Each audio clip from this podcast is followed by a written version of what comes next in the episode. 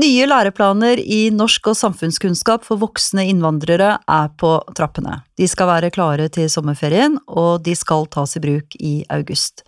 Jeg heter Helene Uri, og jeg er forfatter og språkviter, og jeg syns at norskopplæring for eh, voksne innvandrere og nykommere til Norge er både spennende og først og fremst veldig, veldig viktig. Så jeg gleder meg til denne podkastserien. Dette er en podkast fra Kompetanse Norge, og den er for deg som jobber i voksenopplæringen. I de første tre episodene så blir du oppdatert på hvilke endringer som er gjort i læreplanen etter at læreplanen har vært på høring, og så skal vi snakke konkret om hva ny læreplan i praksis betyr for deg.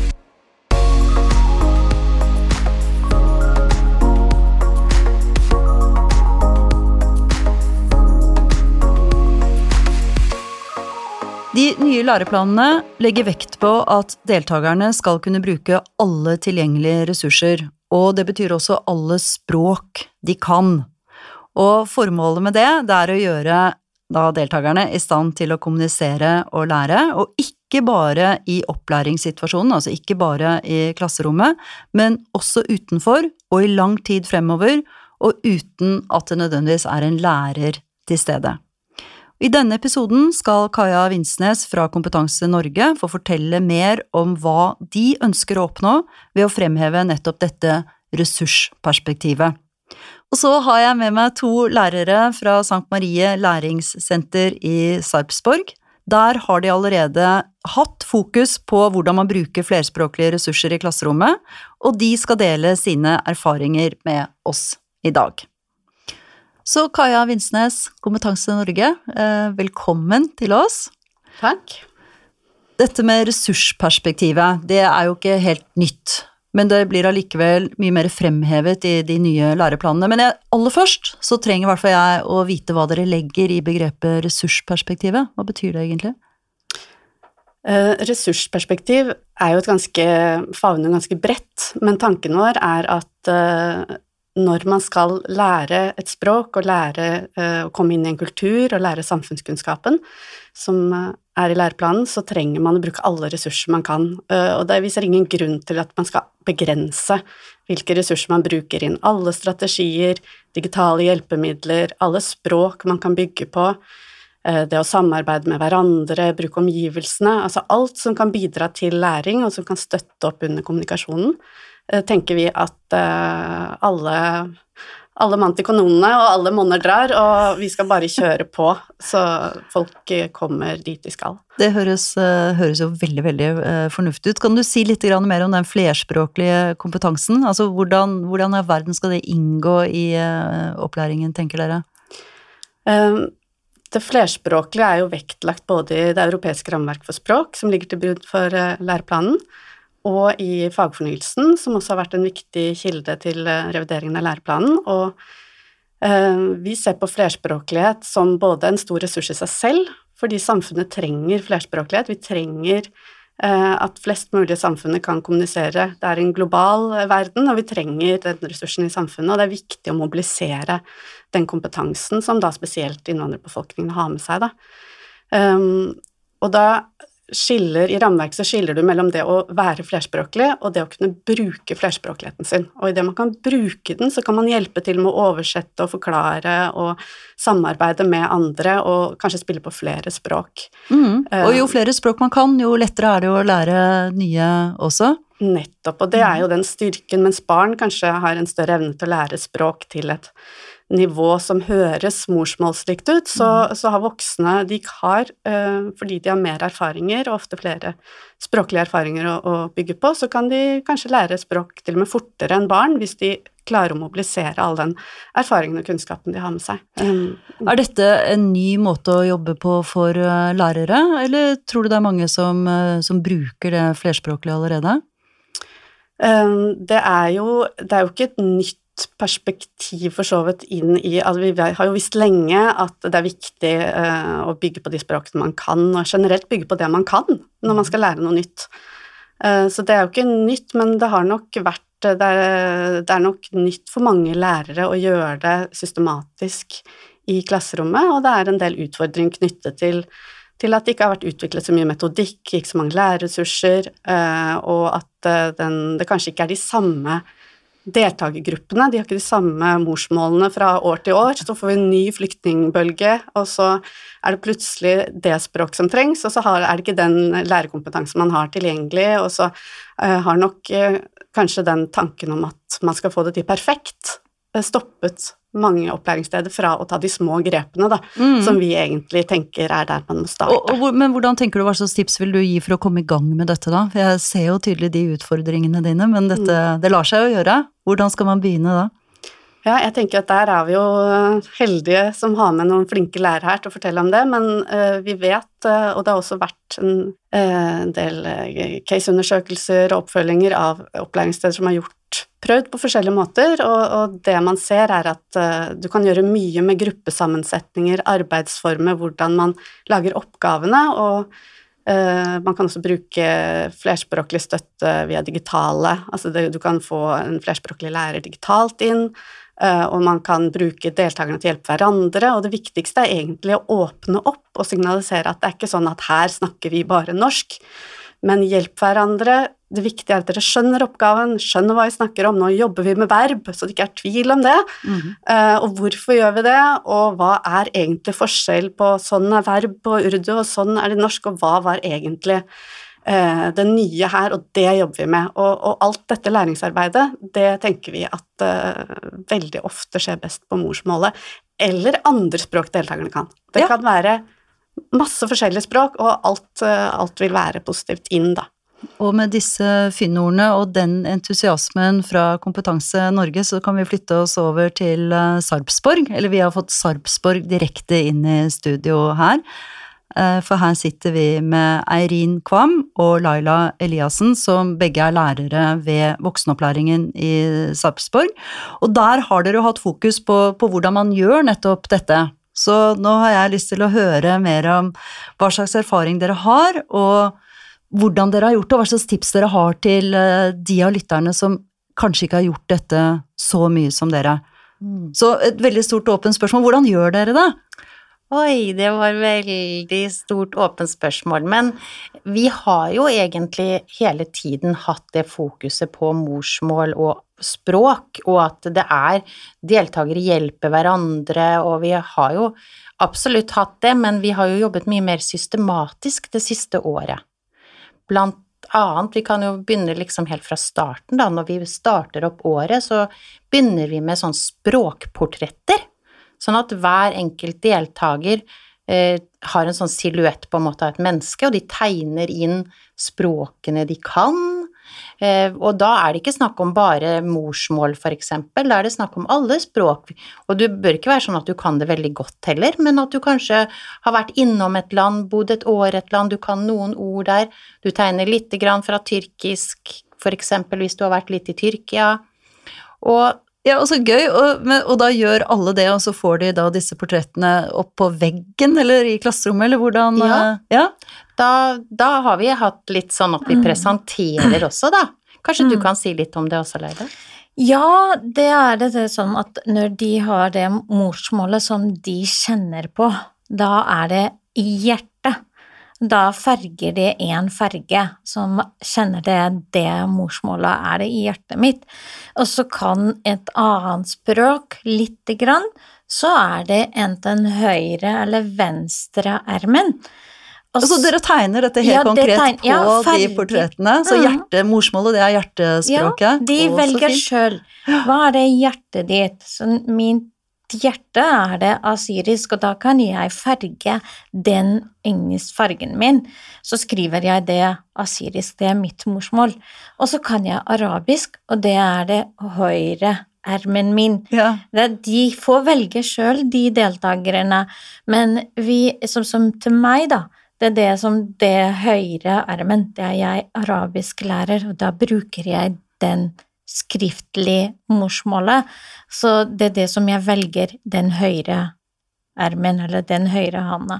Og så kan jeg kurdisk, så er det det den venstre hånden, fordi jeg har vokst opp i Kurdistan, så kan jeg kurdisk òg. Og så kan jeg norsk. Norsken Hvor plasserer du norsken, da? Norsken er inni magen. Aha. Litt, og, litt inni huet, fordi jeg har bodd her i 20 år, så jeg begynner å tenke det på norsk Ja. nå.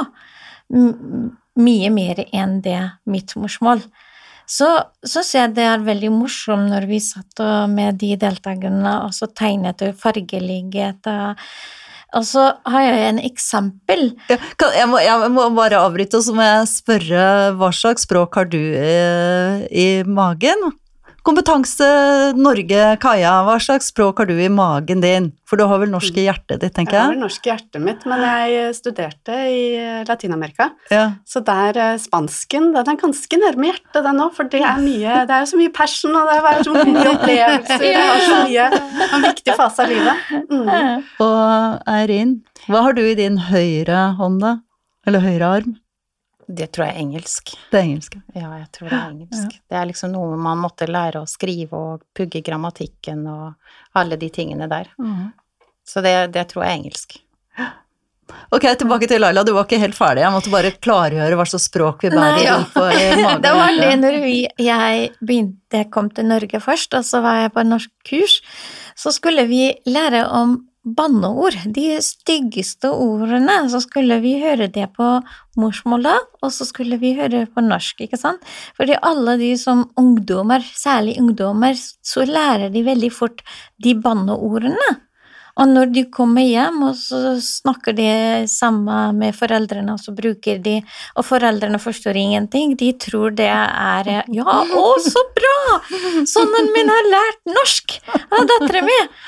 Så det som vi prøvde så Når jeg sier det stiggeordet på mitt eget morsmål Å, det reagerer jeg skikkelig på.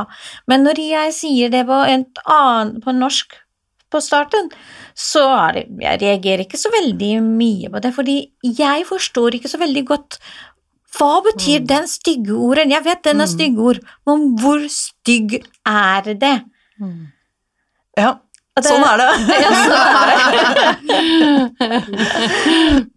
Men eh, altså, da har jo dere Dere er jo så heldige da på Sankt Maria at dere har Laila. Hva gjør man hvis man ikke har flerspråklige lærere? Hva, hva gjør man da? Og Ja. læreren ikke Kanskje man bare har engelsk og, og tysk da, i høyre og venstre arm og, og norsk i hjertet. Hva, hva gjør man da? Men i forhold til det språkportrettet så trenger man egentlig ingen tospråklig lærer, for da eh, Det var litt sånn kanskje i forklaringen av oppgaven, da. Det ble litt vanskeligere bare på norsk. Men den klassen som jeg hadde, er jo en klasse som eh, har veldig lite skolebakgrunn, kan ganske lite norsk. Og jeg hadde ikke Laila inne da, som hjalp meg med det. Og da, da var det sånn at jeg tok utgangspunkt i meg og liksom forklarte litt på kroppen min, og så fikk de bare sin tegning, og så ikke så mye forklaring. Så alle gjorde det ganske forskjellig, og de skrev på sitt morsmål, og de skrev litt på norsk, og de skrev på de språkene de ville skrive på. Og så viste de fram etterpå, og jeg opplevde at de også likte veldig godt å vise det frem. Det er klart det, for å vise frem hva de kan, i stedet for å, når man sitter og skal lære et nytt språk og man er så hjelpeløs og har så lett for Ja. å føle seg litt dum, så er det jo Ja. kjempefint å vise frem alle de ressursene man har, og alt det man kan. Ikke sant? Det er kjempeviktig, for de sitter veldig stor del og forstår ikke hva som foregår, og er nok litt sånn som du sier, føler seg litt tung. Men hva, hva tror dere at deltakerne lærer av dette som de ellers ikke ville ha lært, med denne tilnærmingsmåten? Å ja, de lærer å tenke litt annerledes, hvordan man eh, tenker. Er morsmålet mitt, er det det er, det er det. Det er det. Jeg har i en morsmål. Ja. Så husker jeg, det var en deltaker som hadde eh, tegnet, fargeligget beinet blått, og så står fransk. Og så spurte jeg hvorfor det. Nei, fordi eh, vi måtte gå når han flyttet, flyktet fra det landet, så måtte han gå til Frankrike og lære litt fransk der. Ja. Og da farget han beinet blått, og så står det fransk. Og det var veldig sånn spennende til meg hvordan de tenker. Jeg får litt sånn frysninger, jeg. Ja, ja, ja, Sånn sant? forbinder fransk med å gå til Frankrike, liksom. Ja, kjempefint. gå på Mm. veien når de kommer ulovlig, ikke sant, så Mm. er det, Mm. det de, de går veldig mange områder eller lange land før de kommer til Norge. Og så er det Norge var det i, i venstre ermen han hadde fergeligget. Og da var det han var helt nytt i Norge, var ikke så tre eller fire måneder, og så sier jeg hvorfor det? Ja, fordi her er det trygg. Her er det nå vet jeg, så skal jeg bo her hele mitt liv. Og det er det fordi jeg tegner, jeg farger ermen her, så fordi det er en ermen som kan holde rundt meg. Og da var det så Å, så fint. Å, så emosjonelle. Ja. Å. Og dette er jo så, dette er jo en så enkel metode å få frem da både deltakernes biografi og livshistorie og de språklige ressursene som de alle sammen eh, sitter på. Ja. Og det er jo noe at vi lærere også viser at vi er interessert i hva de kan. ja. Vi er ikke bare interessert i hva de skal lære, men vi er også interessert i hva de kan. Mm. Det tenker jeg er veldig viktig. Mm. Men det er helt sikkert noen utfordringer også. Det er ikke bare solskinnshistorier og fryd og gammen i Sarpsborg eh, heller. Nei da, Nei. det- det er det jo absolutt ikke. Det som er at vi, med utgangspunkt i disse språkportrettene, så tenkte vi hva gjør vi i klasserommet med dette? Nå har vi jo sett hvilke språk de har, vi ser hvilke som har noe felles. Hvordan kan vi gjøre dette her i klasserommet? Så fant vi ut at hvis vi skal bruke morsmålet og språkene mer aktivt, så må de sitte sammen. De, vi må plassere sammen. Så for eksempel så hadde vi jo en gruppe som snakket arabisk, og så var det noen som snakket kurdisk. De satt i nærheten av hverandre, for de kunne noen ganger hjelpe hverandre. Så var det en annen som hadde et annet kurdisk språk, som også kunne ha noe utbytte av det. Men så er det jo den utfordringen at det er noen som ikke har samme språk som noen andre. Mm. Mm. Og hva gjør vi med det? Og da fant vi ut at de må vi plassere litt sammen. De må faktisk bruke norsk, og kanskje de er så heldige at de kan engelsk, sånn at de kan bruke det. Også at vi da som lærere på en måte tar litt ekstra hensyn til dem, da, Mm. som ikke har et morsmål og, eller et annet språk å diskutere med de andre på. Men eh, ja, det har vært litt sånn utfordring at vi passer Mm. på at ikke ett språk blir dominerende, da. Da kan det lett bli arabisk hos oss, da, for det er Ja, mange arabiske. Det var det som at de andre deltakerne kjedet seg når vi satt og bare snakket arabisk, og de Ja. forstår ingenting. Mm. Så det er, de blir litt frustrert, de som ikke forstår hva vi snakker om. Mm. Men det som er at jeg har en deltaker som han er fra Afghanistan, så at det er Han begynte å skjønne det nå. Når jeg oversetter til arabisk og kurdisk, så eh, Og så har jeg en annen deltaker som er kurdisk, som kan snakke pashto, eller persi, til han. Så når jeg sier oversette den setningen til kurdisk og så arabisk, og så på slutt skulle han fra Iran så oversette til han fra, øh, fra Afghanistan, så sa han nå jeg forstår hva han har sagt. Ja. Fordi det er så mange eh, ord som er samme, samme betydning og samme eh, uttale. Så klarte han skjønne, forstå hva jeg mente, hva temaen handler om. Men på starten han var ikke der. Men nå jeg ser at han har kommet veldig langt nå. Dette er altså ressursperspektivet i Dette er- praksis, dette her. Dette er ressursperspektivet, absolutt. Og jeg tenker jo at uh, det livet som disse deltakerne har utenfor klasserommet, og som de, de skal jo inn i et arbeidsliv eller et lokalsamfunn, inn i studier, og, og det er veldig få sammenhenger vi som voksne må løse ting på uten hjelpemidler og uten andre språk. Det er jo akkurat dette vi skal gjøre. Og der tenker jeg at det er så viktig det der, eksempel, jeg tenker de som sitter der og ikke har språk sammen som de kan dele med andre, de får jo med seg disse strategiene som de andre bruker, Mm, mm. og hvordan Det er på en måte sånn at læreren og de andre modellerer og viser sånn kan vi tenke, vi kan prøve å finne hvordan dette er på eget språk, og så kan de kanskje prøve å gjøre det hjemme eller med andre. At det, det er veldig mye her som handler om strategier, da. Mm. Og de har veldig mange strategier med seg, men kanskje noen trenger å få de verdsatt og skjønne at de er relevante. Ja, og at det er lov til å bruke klasserommet også. Ja. Mm. Mm. Men sånn fra lærerperspektiv så må jeg bare spørre, spørre dere, og kanskje særlig deg da, eh, Eirin. Når du slipper alle disse språkene løs i ditt klasserom, og du jo ikke forstår dem, er det sånn, har du en sånn følelse av at du mister kontroll? At du ikke vet hva er det som foregår, hva er det de sier, hvem snakker de om der nede i hjørnet? Ja, og det tror jeg det er kanskje felles med de fleste av oss lærere, at vi liker veldig godt å ha kontroll, og spesielt inne i klasserommet, der skal vi ha helt kontroll. Og idet du slipper løs språk som du ikke kan, så har du ikke den kontrollen. Og for meg spesielt, for vi brukte jo sånn, har brukt en del sånn morsmålsgrupper, da, språkgrupper, foran tema, for eksempel, at de sitter og diskuterer og, og sånn i morsmålsgrupper. Og da, da blir jeg helt sånn hva, hva skal jeg gjøre nå, da? Ja, men i alle dager, jeg, jeg skjønner jo ikke hva dere snakker om. Og så egentlig så går jeg kanskje inn, i starten i hvert fall, så gikk jeg inn og på en måte forstyrra litt prosessen, fordi jeg var så nysgjerrig på hva de drev med, men egentlig så var det bare Jeg burde egentlig bare holdt meg rolig, og så, og så venta, men det er denne kontrollen som vi lærere så veldig gjerne vil ha. Jeg kjenner meg godt igjen i dette her, altså. Ja, ikke sant? Og jeg tenker jo at det er jo veldig viktig at vi jobber med voksne folk. Og Ja. vi, vi vet fra all forskning at voksne som kommer til et nytt land, vil lære språket. Ikke sant? De vil inn i samfunnet, de vil få seg en jobb.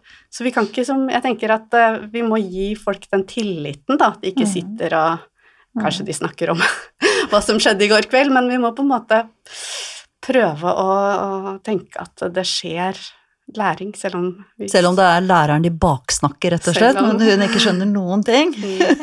Jeg tror ikke det er det som foregikk, men eh, den ene gangen, første gangen, så var jeg veldig stressa. Neste gang så var jeg litt mer rolig, og så var det sånn at vi da skulle skrive på Vi hadde om kroppen, og da hadde vi da et bilde av kroppen, og så skulle de skrive på kroppsdeler på forskjellige språk som de kunne. Og da satt de på forskjellige grupper, og da tenkte jeg nei, nei, Eirin, nå må du slappe av, slappe av, det her går bra. og, så, og så kom vi jo tilbake til klasserommet igjen, og så så jeg jo, ja selvfølgelig, de hadde jo gjort akkurat den oppgaven de skulle gjøre, og de hadde jo diskutert, og jeg er jo helt sikker på at de fikk et mye bedre utgangspunkt før vi jobba videre med kroppen, enn hvis jeg bare hadde stått og snakka foran. Helt sikkert. Mm. Ja. For egentlig så tenker jeg fått litt fram det her med at det faktisk å sette i morsmålsgrupper også er veldig bra for klasseledelse. Noen tenker at man mister kontrollen, men egentlig så er det faktisk ganske bra sånn knep sånn klasseledelsesmessig, fordi for det første så skaper det et samhold. Det skaper ikke, det skaper ikke splid, som man kanskje tror at det skaper splid hvis man har masse forskjellige språk, men det gjør det ikke.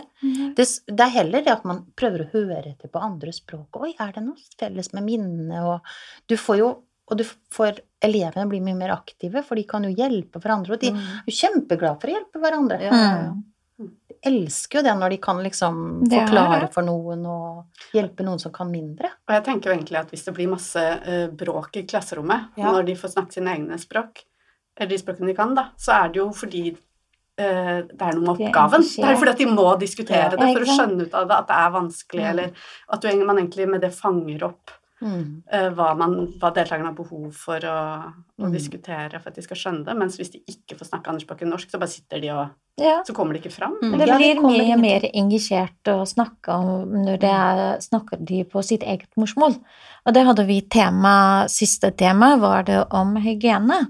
Så skulle vi eh, først skulle jeg snakke med de og informere de hva, hva er forskjellig mellom hygiene i Norge og ditt eget land. Og da sa de nei, det er helt like som Norge. Det er samme som Norge. Vi har ikke noe forskjellig.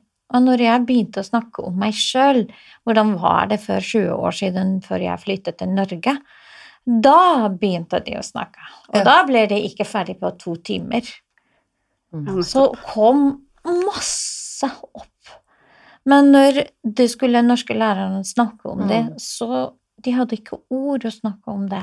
De har ikke språk å snakke om det. Mm. det. De har veldig mye inni seg, men de, de klarer jo ikke å snakke om. Ja, når de Den hører burde man jo klippe inn. De har veldig mye inni seg, men det ikke Ja. sant? ja. Mm. Ja. Det er det å få lov til å få det fram, på en måte.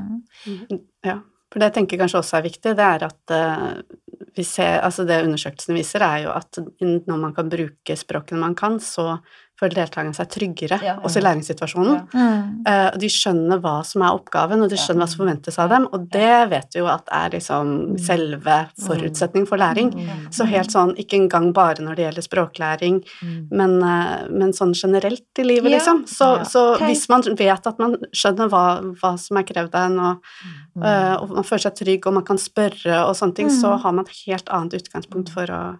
For å konsentrere seg og lære og tørre å, Mm. utforske og prøve seg på noe man kanskje ikke kan så godt. Og, Mm. Ja. det Tenk en på helt det annen at forutsetning for læring. fleste som de har kommet her, de har kommet fra krig. Ikke sant? Og alt er det forskjellig, 100 forskjellig mellom landet sitt. Sånn som til meg er det 100% forskjellig fra Irak og Norge. Mm. Alt er det forskjellig. Til og med lukt, matsmaken, øh, språk, barneoppdragelse, og hvordan skal jeg kle på meg, hvordan skal jeg oppføre meg her i Norge, oppførselen, praten, alt er det kjempestor. Og da er det jo nettopp det som er så viktig, at all den kunnskapen og de språkene som deltakerne da har fra før av, er en ressurs og blir sett på som en ressurs og blir brukt som en ressurs, i stedet Mm. for å bare være i veien. Mm. Ikke sant? Altså at man Mm. begynner Man begynner ikke på null, for det gjør man ikke. De har jo med seg masse kunnskaper. Ja, og- det er det. Ja. Og det å åpne for å bruke andre språk enn norsk, det står ikke i veien for å lære norsk og, og bestå norskprøvene. Det tenker jeg er veldig viktig, da. Mm. Men Mm. det er nettopp en ressurs inn mot det. Eh, Mm.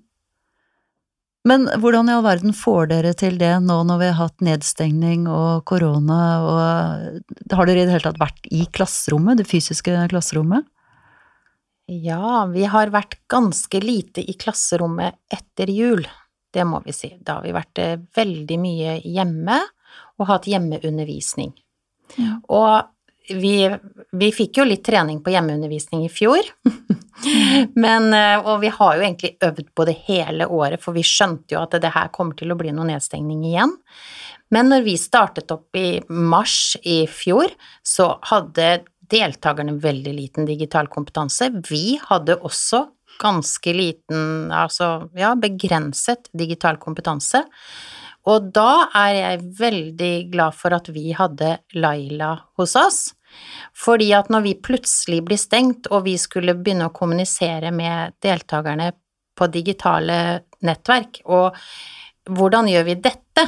Vi får jo ikke forklart hva de skal gjøre, men da hadde vi jo veldig godt utbytte av Laila, og nå som vi har gjort dette her et år, og de har blitt kjempeflinke på Teams, på Showbie, på alle mulige forskjellige arenaer som vi bruker nå, da. Mm. Og det er heller ikke noe problem i forhold til dette med transspråking. Egentlig så har det jo nesten vært en fordel. Du kan jo kanskje fortelle litt, Laila, hvordan du har gjort det. Ja, først måtte jeg tenke, hva bruker de, hvilken eh, Hva bruker de å snakke med familien i utlandet? Hva er det de deltakerne er flinke på? Og da skjønte jeg, da fant jeg på at alle har i WhatsApp på mobilen, Mm. og det er det lett å bruke. Og de vet det, hvordan skal de bruke, fordi de har kjennskap til det fra før. Så brukte vi WhatsApp med på å sende eh, lydopptak, bruke video, samtaler sammen. Så sendte vi oppgaver til de gjennom WhatsApp hele tiden. Så tok vi bilde, så sendte vi til dem. Da kan dere lese den sida, så lage lydopptak og sende til meg, eller du kan lage video, at du har fått oppgave om du skal gå ut og ta bilde ute, hvordan ser det ute, og snakke om været. Og vi, vi Det fungerte så bra. Vi lagde en gruppe, grunnmodul én gruppe, sånn at vi hadde de deltakerne i den klasse. Og da alle var med fra klokken ni på morgenen når vi sa god morgen, alle sammen, én og én lagde en lydopptak. God morgen, lærer! Og så var det det dato, og først hva, hvilken dag er det i dag, og hva er dato? Så én og én fortalte og om været. Så blir de på slutten så flinke på dato og været, og hvorfor bruker de første den andre, eller andre den tre, tredje? Fordi det er vanskelig til de å vite hvorfor bruker de første, andre, tredje, fjerde. Så måtte vi bare lage veldig enkle oppgaver om klokke, lære de litt om klokke, sende bilde av klokke, og så leste jeg inn til de, og så begynte de å lese til meg. Og så var det Vi gikk Vi brukte bare WhatsApp på Mm. starten. Men så var, fant vi jo ut at WhatsApp er ikke helt sånn pedagogisk verktøy, på en måte. Nei. Sånn at vi fant ut at nei, vi, vi bør jo heller bruke de, eh, det som de bruker i vanlig skole. Mm. Sånn at vi gikk over til å bruke Teams og til å bruke Showbie, sånn at vi kan Og det som har vært veldig fint med å kunne bruke Teams, er jo at vi kan dele opp Vi har jo undervisning på Teams, vi Mm. kan dele opp i språkgrupper. Ja. Sånn at vi Mm. liksom sender, eh, sender de på en måte ut i i egne grupperom, Mm. sånn at de kan ha på forskjellige språk da, og Mm. diskutere oppgaven, og så kan vi ta de inn igjen til slutt og diskutere sammen. Mm. Så det er egentlig utrolig mange muligheter som fins digitalt, og som ikke er veldig vanskelig heller. Mm. Selv om jeg trodde det var kjempevanskelig i starten, så viste det seg at det var ikke så vanskelig. Ja, men det var lett å, å lære dem gjennom WhatsApp hvordan skal de Ja. gå til Showbie Mm. eller Teams. Så kunne vi åpne kamera, og så kunne jeg vise dem hvordan jeg gjør på iPaden min og forklare til de, så gjør de samme. Så problemet løste seg, da Mm. var det kjempefint. De, nå er de kjempeflinke til å bruke Teams og Showbie. Vi bruker ikke så veldig mye WhatsApp nå. Men da var det på starten vi måtte finne noe som de er flinke på. Mm. Jeg tenker at dette er jo ressursperspektiv i praksis. Vi har en utfordring. Vi kjører på språk og digitale hjelpemidler og alt, og så, og så finner vi en løsning, liksom. Det er eh, Og økt eh, digital kompetanse også i lærerstanden her. Ja, Som begynte ut og sa å, dette er kjempekomplisert, dette får jeg ikke til, og så, og så ser vi at vi får det til. Mm. Ja. Og det er jo godt å få den opplevelsen også for lærere, da. Oi, vi får det til, jo! Mm. Og for elevene tror jeg de er kjempestolte, de deltakerne Ja. vi har, om at Mm. oi, jeg får det til, jo. Mm. Jeg syns dette var så inspirerende å høre på. Kanskje jeg skal gå tilbake og ha noen eh, timer i, i norsk for eh, utlendinger. Dette var virkelig så gøy å høre om deres erfaringer fra Sarpsborg. Og så fint å få klargjort dette med ressursperspektivet fra Kaja i Kompetanse Norge. Så da sier jeg tusen takk for praten til eh, Eirin og til Laila fra Sankt Marie i Sarpsborg, og til Kaja fra Kompetanse Norge. Og i neste episode så skal vi snakke mer om eh, læreplanen, den nye læreplanen, for der står det nemlig at norskopplæringen skal knyttes mer til arenaene deltakerne er på også utenfor selve opplæringen, altså utenfor klasserommet. Hvorfor skal vi det, og hvordan skal vi gjøre det? Det skal det handle om i neste episode.